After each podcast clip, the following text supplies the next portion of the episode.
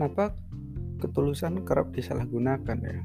Kenapa kita yang udah tulus, kamu-kamu yang udah tulus tapi ujungnya di, dikecewain ya, ujungnya dihianati lah dan lain sebagainya.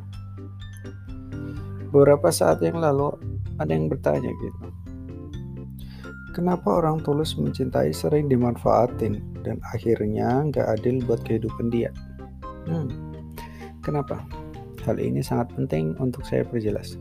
Karena jika tidak akan banyak orang yang tidak lagi ingin mencintai dengan tulus, lalu menjadikan cintanya sebagai sebuah permainan. Politik hubungan hanya dengan drama kehidupan. Saya ulangi pertanyaannya, kenapa orang yang tulus mencintai sering dimanfaat dimanfaatkan, dimanfaatin, dan akhirnya nggak adil buat kehidupan dia. Jika kamu tulus, kamu tidak akan merasa dimanfaatkan karena pemberian yang tulus tidaklah meminta balasan. Kamu baru akan merasa dimanfaatkan jika kamu tidak memberi dengan tulus. Saya ulang lagi, poin pentingnya, jika kamu tulus, kamu tidak akan merasa dimanfaatkan karena apa yang kamu berikan kepada si dia yang anggap kamu spesial ya. Jika tulus tidak meminta balasan, kamu baru akan merasa dimanfaatkan jika kamu tidak memberi dengan tulus. Coba pikir-pikir lagi.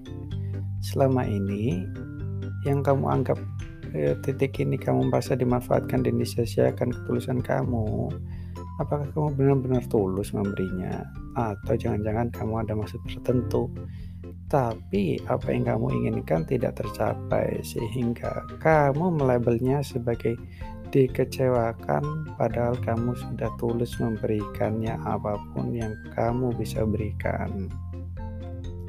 Banyak orang yang kerap berkorban mati-matian dengan embel-embel tulus, tapi sebenarnya tidak tulus. Tidak ada pengorbanan yang tulus. Ingat, tidak ada pengorbanan yang tulus. Setiap pengorbanan pasti menuntut balas. Jika pengorbanan tidak terbalas, sang korban akan merasa dimanfaatkan dan merasakan ketidakadilan. Oleh karena itu, lakukanlah apa pun yang kamu ingin lakukan untuk mencintai sebatas kemampuanmu saja.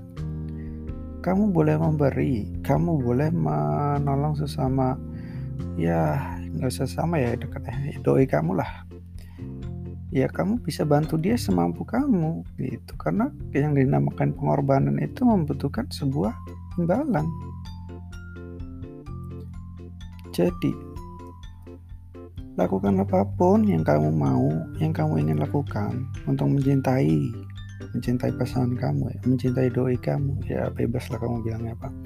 Sebatas kemampuanmu saja memberinya sehingga jika cintamu tidak terbalas, paling tidak kamu tidak merasa dirugikan karena memang kamu ngasih dia itu karena kamu mampu gitu. Jadi bukan karena dipaksakan, kamu nggak mampu, kamu kamu paksakan untuk mampu. Jadi kalau dia nggak ngasih timbal balik ya kamu merasa rugi dong. Tidak perlu berkorban demi cinta karena cinta bukan soal pengorbanan, melainkan kecocokan jiwa. Jika cocok, cinta akan terjadi secara alami tanpa perlu ada pengorbanan. Jika ada wanita yang bilang, jika cinta kamu harus berkorban, itu bukan cinta. Ingat ya, jika ada wanita mengatakan, kamu harus berkorban kalau kamu cinta, itu bukan cinta, itu ego untuk merasa penting, untuk merasa spesial. Cinta hanya tahu mencintai. Ia tidak tega melihat orang yang ia cintai sengsara, apalagi harus menjadi korban. Ngerti ya? Terima kasih sudah mendengarkan. thank you